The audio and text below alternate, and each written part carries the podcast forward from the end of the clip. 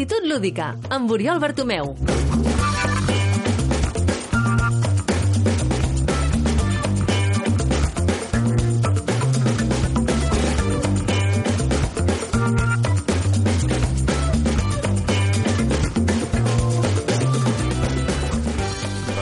11 tios, 22 en aquest cas, corrent darrere una pilota, doncs ho vaig canviar això. Els tiros per una pilota de futbol. Bueno, és una altra manera de fer de shooter. Exacte. és xutar a un altre lloc, portaria mateix. Bé, el, el...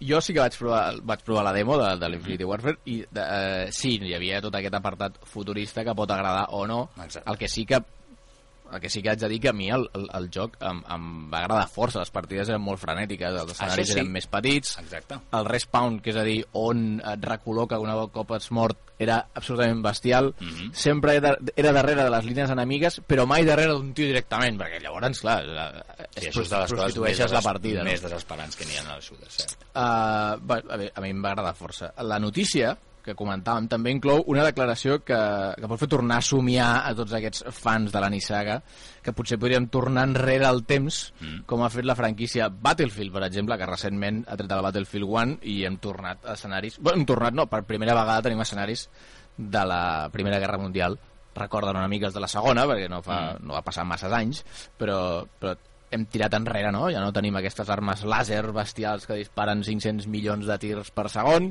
ni correm per les parets, ni tenim un jetpack per saltar, tornem als fusells d'un tir i recàrrega i, i baionetes per atacar, no? Doncs segons Activision, l'empresa que distribueix a, a Call of Duty, Sledgehammer Games, que és l'empresa, la companyia que està fent el nou Call of Duty, que sortirà aquest 2017, diu que tornarà als seus orígens, que tornarà la Nissaga als seus orígens. Bé, els rumors ja s'han disparat. Uh, ja hi ha gent que diu que tornarà el joc a la Segona Guerra Mundial, el qual ens faria molta il·lusió, Molt. i d'altres que seria el Vietnam. Mm, bé, ja hi ha jocs del Vietnam, el que passa és que ja fa temps que no se'n treu cap. Uh, bé, jo prefereixo la Segona Guerra Mundial, eh? Jo també. Uh, I bé, tornar a la vella Europa, a la vella Europa que sí. sempre ens acull uh, amb aquells poblets uh, magnífics. I doncs bé, uh, Sledgehammer porta 3 anys ja desenvolupant el, desenvolupant el joc. Atenció perquè surt un Call of Duty anual. Exacte. Ja no sabem ni per quin Call of Duty anem, perquè diria que el Modern Warfare era el 5. Sincerament he perdut el compte igual. I, i clar, això que alguns han anat canviant del... del... una bogeria. Ah, Bé, uh, tot això suposo que Activision uh, s'ha ratllat una miqueta, podríem dir, perquè les ventes de Battlefield 1 han sigut bestials. Mhm. De fet, eh, bé, ha sigut un dels jocs més venuts de l'any.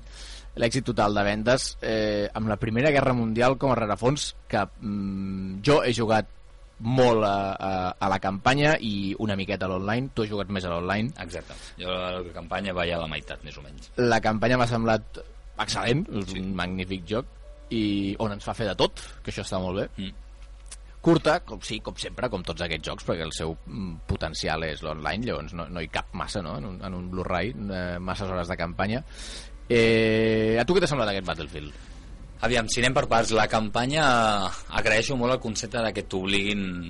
És una manera bona, per qui no hagi mm, tastat un Battlefield, en el meu cas jo sempre he dit que he sigut de, de Call of Duty, i és cert que el fet de començar amb la campanya eh, adquireixes l'hàbit per després en l'online no ser un, un, un pardillo vulgarment, no? que agafis un avió i sigui com dir mm, no sé què he fet amb aquest avió, per què m'he pujat, perquè vaig directe a la muntanya, intento girar i no sé com, llavors, si fas el modo campanya, és un consell, tot això ho aprens. El funcionament de les armes eh, és una manera bona com de fer un, tituri, un tutorial de l'armes, de, de, de vehicles, de tot, a la vegada que estàs realment gaudint, no és un tutorial forçat que dius, això no m'agrada, sinó estàs gaudint, estàs meravellant amb el que t'hi trobaràs, i és cert que l'online, si arribes a un nivell eh, eh, bo del domini de certs aspectes és, és un joc en el qual pots gaudir moltíssim. En, el, en, el, en la colla que t'he mencionat abans hi ha qui està especialitzat en agafar vehicles tipus avió dels, dels meus companys amics en Black Dominant uh, agafar els avions, que és una meravella. Al principi era com, agafa el tu, jo disparo, però bueno, mm, no vam deixar muntanya de peu, perquè o ens estrellàvem o la bombardejàvem a, a bombes i tiros, i ara és cert que ara el tio se l'agafa al principi l'avió, va donant voltes i va fent, va fent només els 100 pels cascos, mm, partint-se la caixa perquè només fa que fer baixes, no? I després estan els altres doncs, que, que ho intentem i quan veiem que la cosa va torta doncs paracaigudes i al terra. Perquè evidentment sabem que no. Però això que dèiem, modo campanya molt positiu per, per experimentar el que trobaràs a l'online. I l'online eh, personalment a mi m'ha meravellat. No m'ho esperava tan bèstia i realment és des del minut 1 primeres partides, si vens en el meu cas com jo de no haver catat el Battlefield és allò que dius me, costa, caen, me caen por todos lados sí, costa, vale? que dius com m'han matat? Però clar no trobo aquell punt de dir m'han matat i no t'ho creus ni tu. Realment m'han matat i dius si, si et tingués de, davant en aquest cas enemic meu t'abraçaria. Perquè el que has fet és, és espectacular el tiro que m'has fotut des de vés a saber on i veus el tio on estava amagat, on estava posicionat la manera que ho ha fet i és per aplaudir-lo. No és aquella ràbia de tirar un mando de dir vinga va no t'ho creus ni tu yeah. sinó que realment és gent bona i la sensació d'estar immers en, en, en aquell moment, en aquella època, en aquell moment històric d'una guerra mundial i aquests moments que sí que noto que hi punt de dir que xungo hauria ser estar realment en, sí. en, en, aquí, no? Jo ara estic al sofà de casa meva com un rei i però allà, allà amb la boira sense veure l'enemic exacte. és això, sí, sí, tu ets sí. un francotirador i et veus allà comença a venir boira comença en tal i penses mmm, d'aquí no em puc moure Clar. perquè no veig res i realment és una realitat que han aconseguit que, que crec que el propi jugador experimenti això, no? el, el, el trobar-se en aquell moment, en aquell context històric de dir aquesta gent que malament hauria de passar no? o el metge que, que té la funció de curar els seus companys quan t'estan caient bombes per tot arreu i estan disparant un, un fuego cruzado per aquí i per allà penses ja, tinc un tio allà que té els budells fora l'haig d'intentar curar però és que van balas por derecha i por izquierda com sí, surto sí. ara, no? I en aquell moment dius, no, no, no salgo, muérete, lo siento, ja, ja, ja et portaré flors o alguna però mora't. Sí que Battlefield eh, sempre ha tingut aquesta especialització, no? Si tu quan jugaves a Battlefield 3 o 4 la gent agafava l'F16 o l'F18 aquell i, i jo que no tenia ni idea de pilotar, però clar, aquella gent feia unes partides absolutament bestials. O sigui, però... millorar i agafar una especialització dona premi, no? Correcte. En el Battlefield. I tens eh... l'opció, això que dèiem, d'aprendre. No t'hi trobes allà directament i dius, vinga, va, mm, una cosa que sí que va faltar a, a Battlefront, aquest joc, que és bàsicament igual però de Star Wars i que no tenia mode campanya, un greu error, que ja ha sigut solventat, ja el Battlefront 2 que sortirà aquest any, mm. doncs eh, ja, ja, ja inclourà aquest mode campanya a petició de tota la comunitat fan, no? Um, de Battlefield jo vaig jugar la beta i me recordo que vaig rajar, com dirien, bastant, perquè l'online era un infern, saltaves a la partida, no hi havia manera d'agafar la partida. Haig de dir que un cop comprat el joc eh, l'online va excel·lent. Sí. A mi no, no m'ha fallat massa alguna vegada. Alguna eh, és normal, eh, això ja és culpa de la meva connexió, que és un desastre.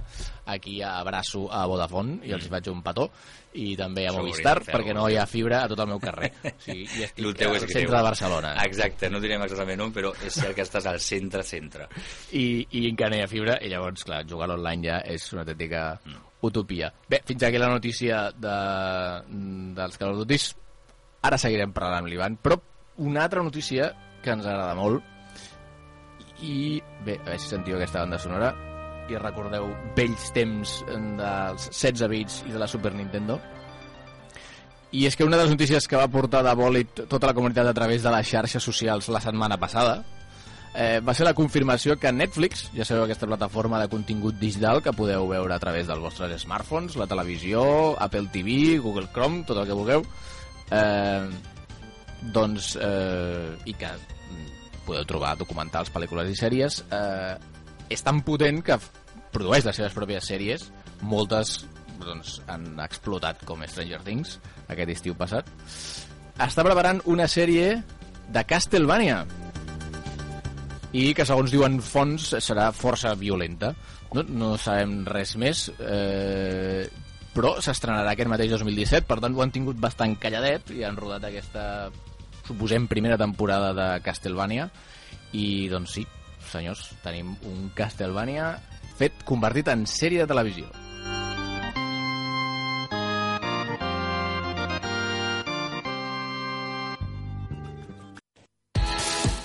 Lúdica, l'espai de videojocs i cultura digital d'Ona de Sants. Ens pots escoltar al 94.6 de la FM o a través de la web onadesans.cat i en diferit al Ludi Podcast, el podcast del programa que podreu trobar a iVox i iTunes. Actitud Lúdica, el programa de videojocs d'Ona de Sants. Bé, un cop tornat de la publicitat, ja sabeu que ara ve una de les seccions que més us agrada a tots i a mi també. Així que, sense més dilació, som-hi. Bandes sonores. I avui, com no podia ser d'una altra manera, xerrant de jocs bèl·lics com el Call of Duty i aprofitant que tenim a l'Ivan amb nosaltres, doncs escoltarem bandes sonores de jocs de guerra, no? Tots aquests jocs de guerra que han anat omplint eh, els PCs i les consoles de des de fa molt i molt de temps, no? Una de les bandes sonores més brutals que he sentit mai en un joc de guerra, ja que també és una de les nissagues més increïbles de la Segona Guerra Mundial, sota el meu parer, és Medal of Honor. Tu què tal Medal of Honor amb l'Ivan? La recordo al seu moment. Recordo com algú molt bèstia. Que parlem de l'època de les consoles i videojocs del seu moment i era algú, era algú molt bo. Era algú molt bo. Clar. Jo, sí, jo, jo vaig entrar a la nissaga amb el gloriós Medal of Honor Frontline. Sí. Ja hi havia Medal of Honor 1 i Medal of Honor Underground Mm -hmm. de la resistència francesa per PlayStation 1, però jo vaig entrar a la PlayStation 2, Dos. cap allà al 2002. Mm -hmm. Frontline, no sé si el recordes, arrencava amb el desembarque del Normandia del dia D Sí.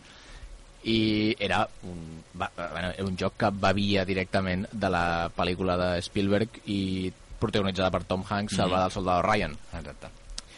I també, per què no dir-ho, de la minissèrie que van fer ells dos després, van produir una minissèrie eh, que recomano ferventment des d'aquí, eh, anomenada Band of Brothers. Mm. Aquí va ser, o es va conèixer com a nom de, amb el nom de Hermanos de Sangre. La van fer per TV2 Imagina't. l'any 2001 o, o 2002, també és més o menys quan es va estrenar, o Mm. 2000, crec, ara no recordo. Poc després de Salvador Soldado Ryan, no? Va tenir tant èxit la pel·lícula que van fer aquesta minissèrie dels combatents de la Segona Guerra Mundial. Eh, doncs bé, el Frontline bevia eh, d'aquesta pel·lícula i d'aquesta minissèrie. Eh, com deia, arrencava el dia D, el desembarco de Normandia, i jo vaig, vaig al·lucinar quan vaig veure allò a la tele de casa. Eh, clar, ho veus ara i és una mica ridícul, però passaven avions, queien bombes, anaves corrent per la sorra, pagaves tiros a, a búnkers alemans i, i pagaves Notaves trets... que i, havies empassat el, el salitre del mar. Sí, sí, deies, sí, sí, exacte. gent caient per tot arreu. Correcte. Bé, de fet, vaig fer una prova i li vaig passar el comandament al meu pare, li vaig Mm. posar aquella escena Sí. i es va quedar glaçat, va deixar el comandament i va dir, això és una bogeria, o sigui... imagina't si el poséssim ara, no? Que, que és bastant més, sí. Bastant més bèstia, tot, tot, tot l'input d'informació que hi Els ha... pares per segon que ja no... Aquestes coses els sembla massa bèstia. Jo que a l'inici del joc ja. I el, el, el meu pare va dir que allò era la guerra pura. Sí. sí clar. Eh, Doncs el 2002 al·lucinàvem amb aquell frontline. Però a part d'uns gràfics molt bons, que per ser Play 2 era, doncs, déu-n'hi-do, molt, Força molt, bo, sí. molt correcte i molt realistes, van poder gaudir d'una banda sonora èpica, gloriosa, trista a vegades, una banda sonora digna del millor cinema de la... mm, perquè bé, venia de la mà de Michael Giacchino, Mm. que per qui no el conegui ha fet bandes sonores de pel·lícules com Jurassic World, la recent Doctor Estanyo de, de Marvel, Mhm. protagonitzada per Benedict Cumberbatch, si ho dic bé, Com has dit això? Cumber, mm, com diuen les seves seguidores, Cumberbatch. Molt bé, endavant, Uri. Star Trek, Mm. o Ratatouille, Los Increïbles, Up, és a dir, s'ha apuntat al món de l'animació, Missió Impossible 3 i Protocolo Fantasma, i la recent Star Wars Rock One, no sé si l'heu vist, doncs la banda sonora és d'aquest senyor. Com veieu, els estudis de videojocs ja, quan van assolir doncs, el DVD com a plataforma i, i tal, van poder assolir un nivell de gràfics bestials i ho acompanyaven amb unes bandes sonores eh, sinfòniques que gravaven doncs, amb les mateixes orquestes que gravaven les bandes sonores de, del cinema.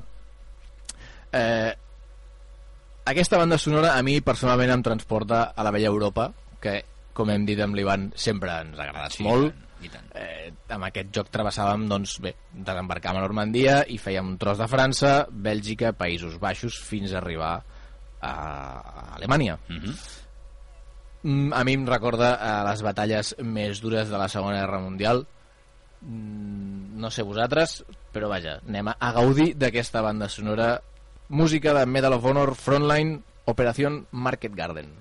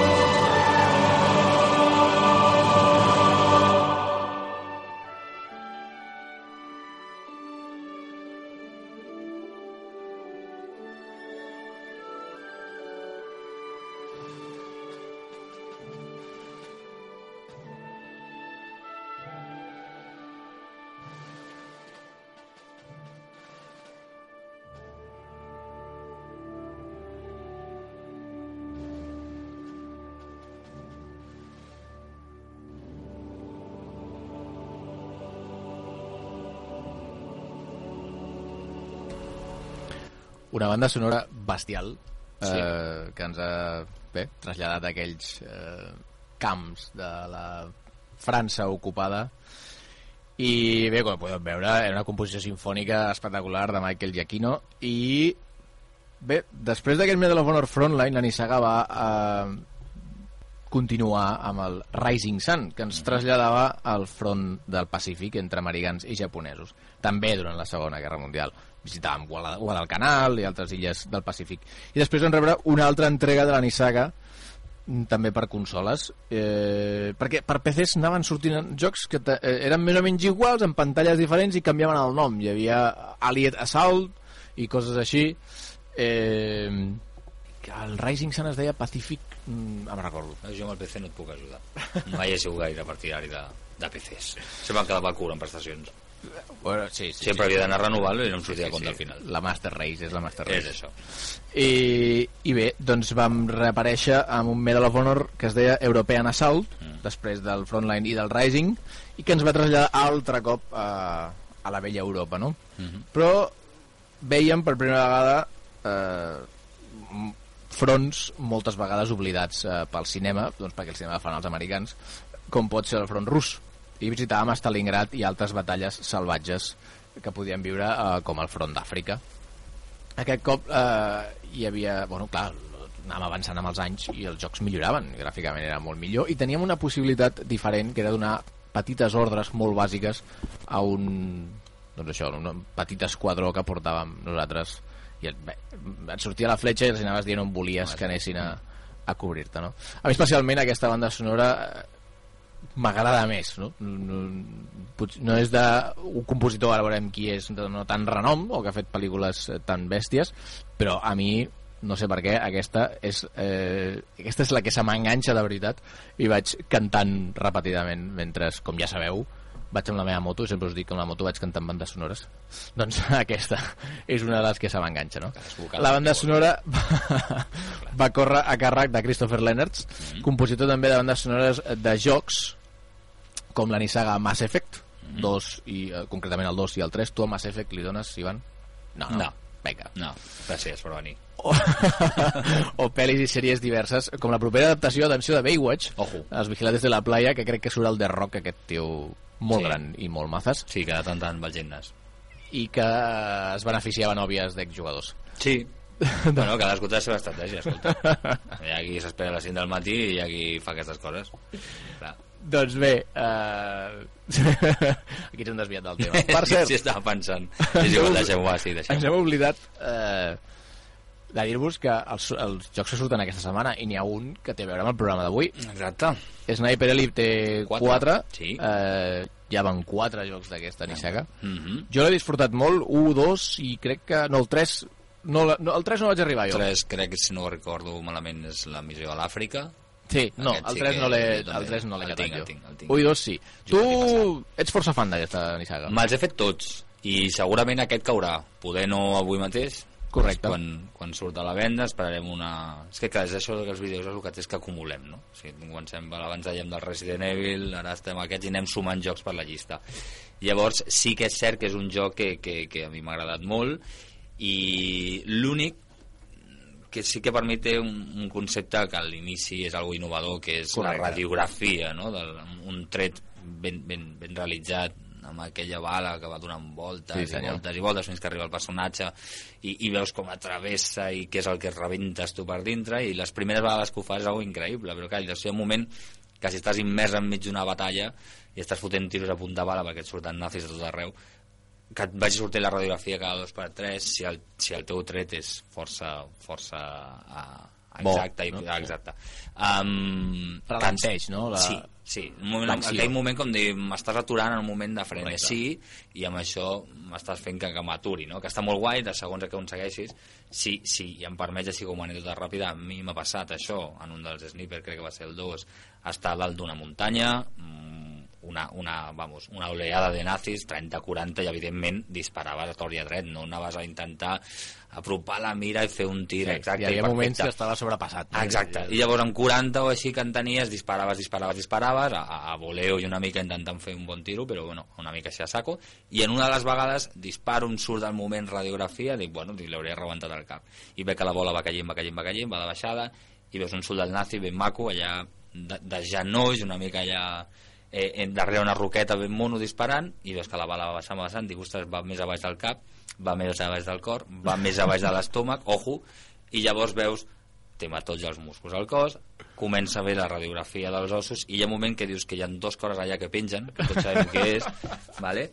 i aquelles cosetes que pengen hi ha un moment que la bala dius pam, adeu, saps? Diu, vasectomia hecha. I va, sortir, Premio. I va sortir premi, en plan, no sé com es deia el premi, tócame los huevos o algo. Trofeo. devia. Trofeo, i un dels trofeus era, evidentment, crec que si ho fas expressament, és molt complicat Correcte. fotre un tiro justament allà. Doncs pues mira, coses del destino... Mm, Li vas tocar les campanes. Correcte, correcte. Molt bé. I això, i llavors aquest, el que dèiem, Sniper, Qual- Sniper Elite 4, serà jugat segurament, però de moment passa a la llista. Sí, aquí hem, bueno, hem vist un problema de game design, no? de Mm. disseny de joc. És a dir, és molt espectacular Sí. seguir la bala i, i, i veure la radiografia Mm. del tio que està impact, sent impactat per la bala, però et talla, no?, el, Sí. el, el, el, el moment de, I una de petita, dels jocs. I petita d'allò que li trobo és el concepte d'arma de francotirador és molt bo, però quan passes a una arma cos a cos, Correcte. una MP40, una cosa així, hi ha moments que dius no pot ser, et tinc davant, no sé si fer-te un petó o matar-te, i, i estic allà disparant-te i t'estic fent un quadre al teu voltant i no et mato. Llavors, Ja. aquí sí que per una mica ha fiabilitat, ha precisió, que amb el T'obliga Ah, exacte. a utilitzar l'sniper. Correcte, correcte. Ha moments que dius, bueno, em ve de gust ara fotre un tiro de francotirador, em ve de gust matar-te mano a mano, i et surt més a compte fotre un tiro de lluny que no acostar-t'hi perquè no és aquella fiabilitat del cara a cara que dius, et mataré segur, pot ser que et velin a tu. Sí, Sí, és sí. això. Però, vamos, l'única pega, eh? Doncs us deixem amb la banda sonora que havíem dit, de Medal of Honor European Assault, títol de la cançó Dogs of War. Atenció, Christopher Leonards, perquè ens fa una composició excel·lent.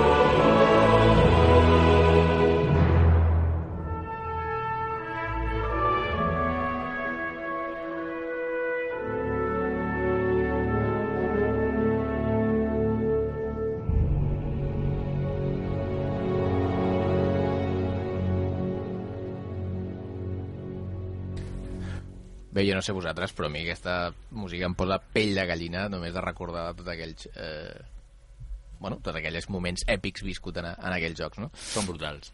Després vam arribar a la Segona Guerra Mundial jocs com la saga Call of Duty, que han acabat evolucionant, com hem dit abans, eh, fins al temps futuristes d'ara, no? Però quan va quedar més o menys a una línia temporal que seria l'actual nostra, eh, va ser amb els Modern Warfare, Sí, que hem comentat abans. Potser... Eh, el milloret. Sí, potser van tenir el punt més àlgid, no? Allà va, sí, va sí. adquirir la Exacte. fama mundial Sí. i, i va fer un cop d'efecte no? en els shooters, eh, sobretot a l'online. No? Mhm. Amb un mode campanya brutal, hem de dir, desplegament tècnic increïble pels sí. temps que corrien, i un online doncs, que va marcar tendències dins del gènere, com dèiem. Evidentment, la banda sonora no té res a veure amb les que hem escoltat tot just eh, fa un moment, perquè, com dèiem, hem, són jocs, els Modern Warfare, basats en l'època actual, potser amb alguna millora tècnica, no? o tecnològica per part de, dels exèrcits. És una guerra molt més tecnològica, com dèiem, i per tant s'assembla més a bandes sonores de pel·lícules, o a mi em recorda, com pel·lícules com Black Hawk Derribado, que és un pel·lículon, exacte, o com altres jocs, no? Dins eh, del món dels videojocs també hi ha altres bandes sonores que recorden eh, doncs, a Metal Gear Solid, la, la, la nissaga de, del senyor Kojima. Sí. Però eh, per això no és menys espectacular que les que hem sentit ara, simplement és diferent, no? Eh, I és que, evidentment, eh, una banda sonora de la mà de Hans Zimmer eh, doncs és garantia de qualitat.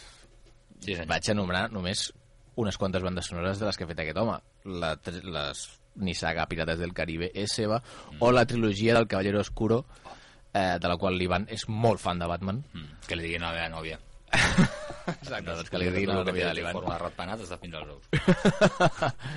No només de les pel·lícules, sinó dels videojocs, també. Mm, correcte. Sí, sí, sí. sí. Ja, ja parlarem un dia dels videojocs de Batman. Perfecte. I tornaràs a venir aquí a donar la xapa com tots. Molt bé. I, o també la recent Interstellar del senyor Nolan, que crec que Nolan l'ha agafat com a, vaja, com a compositor fetitxe de les seves pel·lícules. Farem un remember, doncs, d'aquell Modern Warfare 2 del 2009 i amb el tema Boneyard Flyby.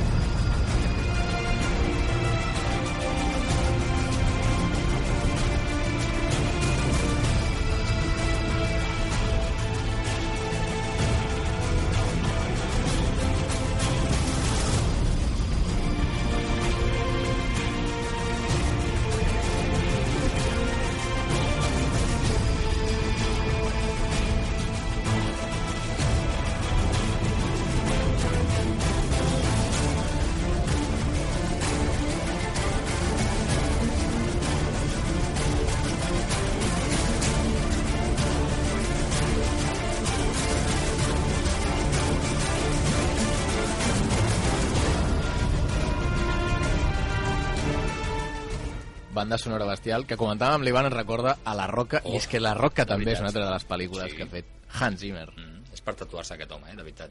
La cara me la tatuaré en algun lloc. Trasllada moltes coses. Ens haurem d'acabar tatuant el senyor Hans Zimmer, com diu l'Ivan. Bé, doncs després de les bandes sonores eh, ben guerreres, que no queda temps massa més per, per, per, per, per programa, perquè ja estem arribant a les 11 del matí, i, com no, sempre despedim amb les efemèrides, que ens recorden que som uns iaios carrozes, Mm. i... Això ho has aconseguit amb mi avui, eh? Surto un pèl deprimit. Fent remember de certs jocs surto bastant deprimit i enfonsat amb l'edat que començo a tenir. Ja fa molts anys, no?, la llei Medal of Honor. Gràcies per això. Gràcies per convidar-me.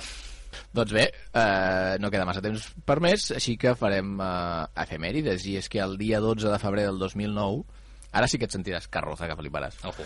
eh, fa 8 anys sortia al mercat japonès, mm. però eh, després de tot el món, Street Fighter 4, el que potser sigui l'últim Street Fighter que valgui la pena, Mhm. perquè clar, el, el 5 ha sigut un desastre to- total, em poso un modo troll, Mhm. eh, no ha funcionat res, l'online un desastre, i bé, eh, de, com, com us vaig dir per aquí alguna vegada, eh, la premsa especialitzada recomana que ni el compris. Mira, És una de les... això és d'agrair també, eh? Pues sí. La seva sinceritat és d'agrair. Sí, Costa sí. trobar-ne avui en dia. Sí, sí. Imagineu-vos que la premsa especialitzada digui alguna així, Mm. perquè normalment les notes són bastant altes i, i tira bastant a que... Exacte, Mm. inflades. Uh, que, que et diguin que no comprin un Street Fighter 5, doncs déu nhi uh, haurà d'espavilar Capcom amb aquest uh, Street Fighter, però bé, ja fa 8 anys del 4 que, eh, doncs, uh, si no voleu el 5, el 4 és el que ve just abans i és un, és un molt bon joc. Jo el tinc, no, no m'hi he ficat molt, diguéssim, perquè, clar, aprendre's tots els combos dels jugadors ja. Quan eren petits sí, però ara ja, ja, ja, Les, ja... tro les trossis en el Exacte, llibre, ja, això comença sóc un ja complet inútil. El 12 de febrer també, però de l'any 1990, toma castanya, Ivan, Mm? sortia al mercat el que probablement sigui, per mi, o per molts, considerat un dels millors videojocs de la història, Mhm. i no fa més que 27 anys va sortir al mercat Super Mario Bros. 3. Ai, sí. Ai, sí, veritat. Aquella Nintendo Nostàlgia. 8 bits, Mhm. i aquell joc que Sí. gairebé semblava de 16, perquè després va sortir la Nintendo, la Super Nintendo amb aquell Super Mario World, que Mhm. el mapa era... Bé, tot el concepte de mapa i de món ja estava fet en el Super Mario Bros. 3. Mhm. I atenció, perquè un altre joc pepino d'aquests eh, De Binaken. hist històrics dintre de, la, de tota la història dels videojocs, eh, com és Final Fantasy VIII, va sortir també un 12 de febrer, però del 99, ja fa 18 anys. Bé, amb aquestes efemèrides ben bones per fer-nos veure que som uns iaios i que Sí, fotem la sí, xapa. Despedim un cop més el programa amb, que hem fet amb tot l'amor del món. Per problemes tècnics ja us diem que el podcast no podreu sentir la primera part, hem fet una pífia de les bones, però bé, ara deixi que arribi a casa, edito i eh, us penjo la segona part que podeu gaudir de les bandes sonores que hem escoltat amb l'Ivan, que també acomiadem, que el tenim aquí a l'estudi. Moltes gràcies, Uri. Has per haver bé? convidat. Perfecte, el temps passa volant quan tu passes bé. Exacte. Avui no ha sigut menys. I a gaudir d'aquests shooters que ens van apareixent al mercat. Molt bé. Doncs bé, acompanyat amb l'Ivan, que ja hem despedit, i fet amb tot l'amor, aquí teniu un altre programa títol lúdica, i com ja sabeu, jugueu força i fins d'aquí 15 dies.